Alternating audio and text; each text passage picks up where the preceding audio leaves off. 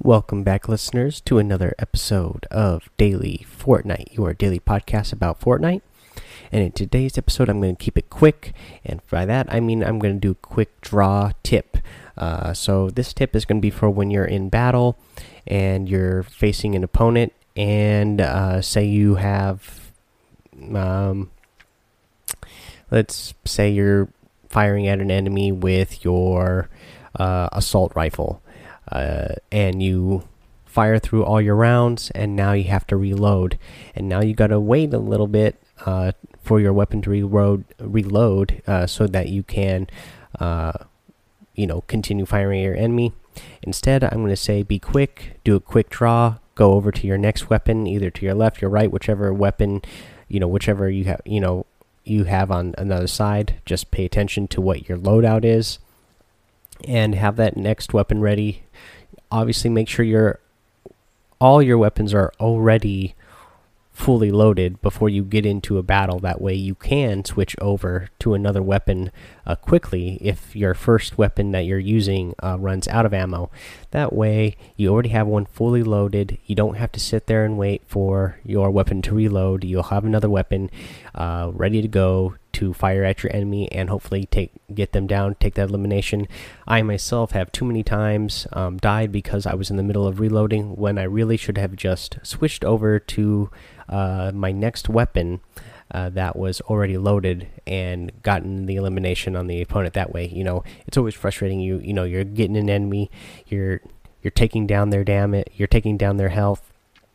You think you're going to get them, and then all of a sudden you have to reload, and then uh, while you're doing the reload, they end up eliminating you. That's always a bad feeling. So uh, just remember, if you can, like I said, I've done it a million times where I don't remember, but uh, you know, you'd run out of ammo instead of waiting for that reload. Go ahead and switch over to your next weapon and start firing again with that weapon. Uh, I see a lot of players uh, also use a strategy where there's a particular weapon they really like, and if you are able to pick up two of them, you know they'll carry two of them. That way, if the first one runs out of ammo and they have to start reloading, um, instead they can switch over to the next one and start firing again with that weapon uh, to be faster.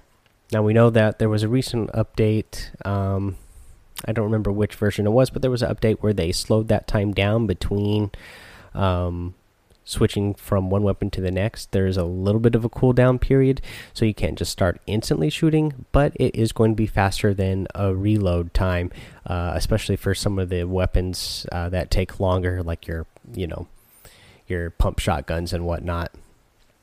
You know, grenade launchers, missile launchers, whatever.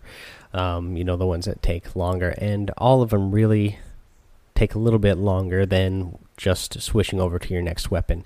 Uh, so if that's a strategy you want to use to carry two weapons, you know, that are the same, something that you really like, so that you can, uh, you know, really maximize the amount of damage you can do with one weapon uh, and not have to worry about reloading. I mean, obviously hopefully your aim's good enough that you know if you ran through one clip on one of those weapons and then you switch over to the next one you know one more full clip should be plenty enough. I mean sometimes you know guys are moving around really good and you know you can't always hit them uh, but you know this strategy should help out a lot.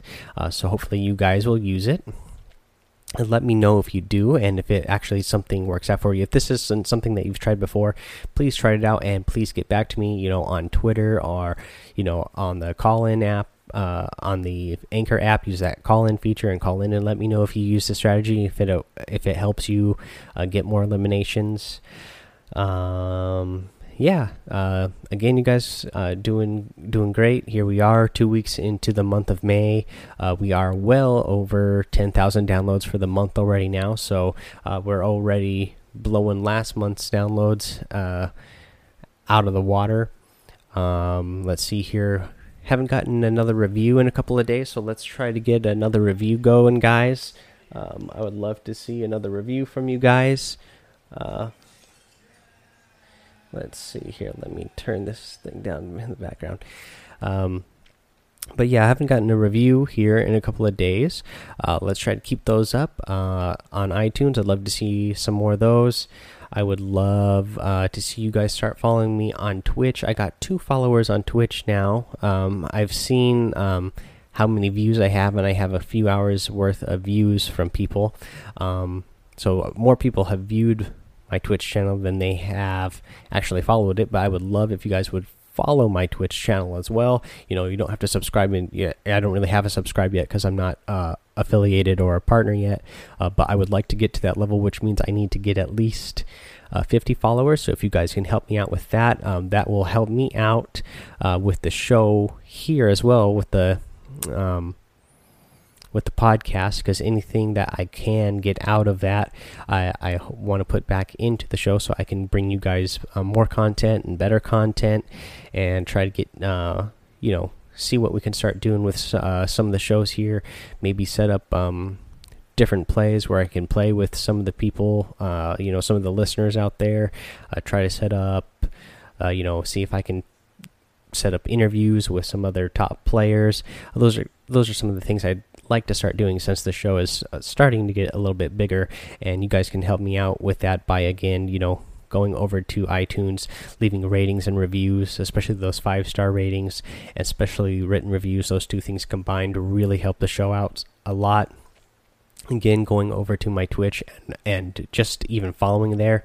Again, you can't even really like subscribe yet because I'm not a affiliate or a partner, but getting me to that point where I can be, uh, so I can get up to 50. That will help uh, the show out a lot too, and that'll help me get a little bit um, better chances of trying to get some interviews with you guys more. Uh, hopefully, get some more top players that maybe we can hear some tips from them. Those are the things I'd like to start doing since the show is starting to really take off here. Uh, so, yeah, please head over those places, guys, and help me out. Um, let's see here my work recently changed. Well, one of my jobs, my first job, the one that I do in the daytime, they recently switched my uh, start time. So we're starting a half hour later now. So, with that said, tomorrow we are getting, uh, you know, the next version 4.2 uh, update so there'll be patch notes tomorrow, and that means I should have you know a whole extra half hour in the morning uh, to give, bring you guys another episode in the morning to get you those uh, get you an episode of the latest update as soon as possible. Uh, that way, if you're not able to play early in the morning, you'll be able to at least hear during the day uh, while you're you know at work or on commute or you know on a break. Uh, you'll be able to listen to what the what the update is, so that you um, will kind of have an idea on what's what to expect, what changes uh, have been made to the game. You know, if there's another limited time uh, mashup going on. Uh, obviously, we got the uh, Infinity Gauntlet this past week. Uh, I'm curious of what they're going to do next. I mean, it's going to be kind of hard to top that one.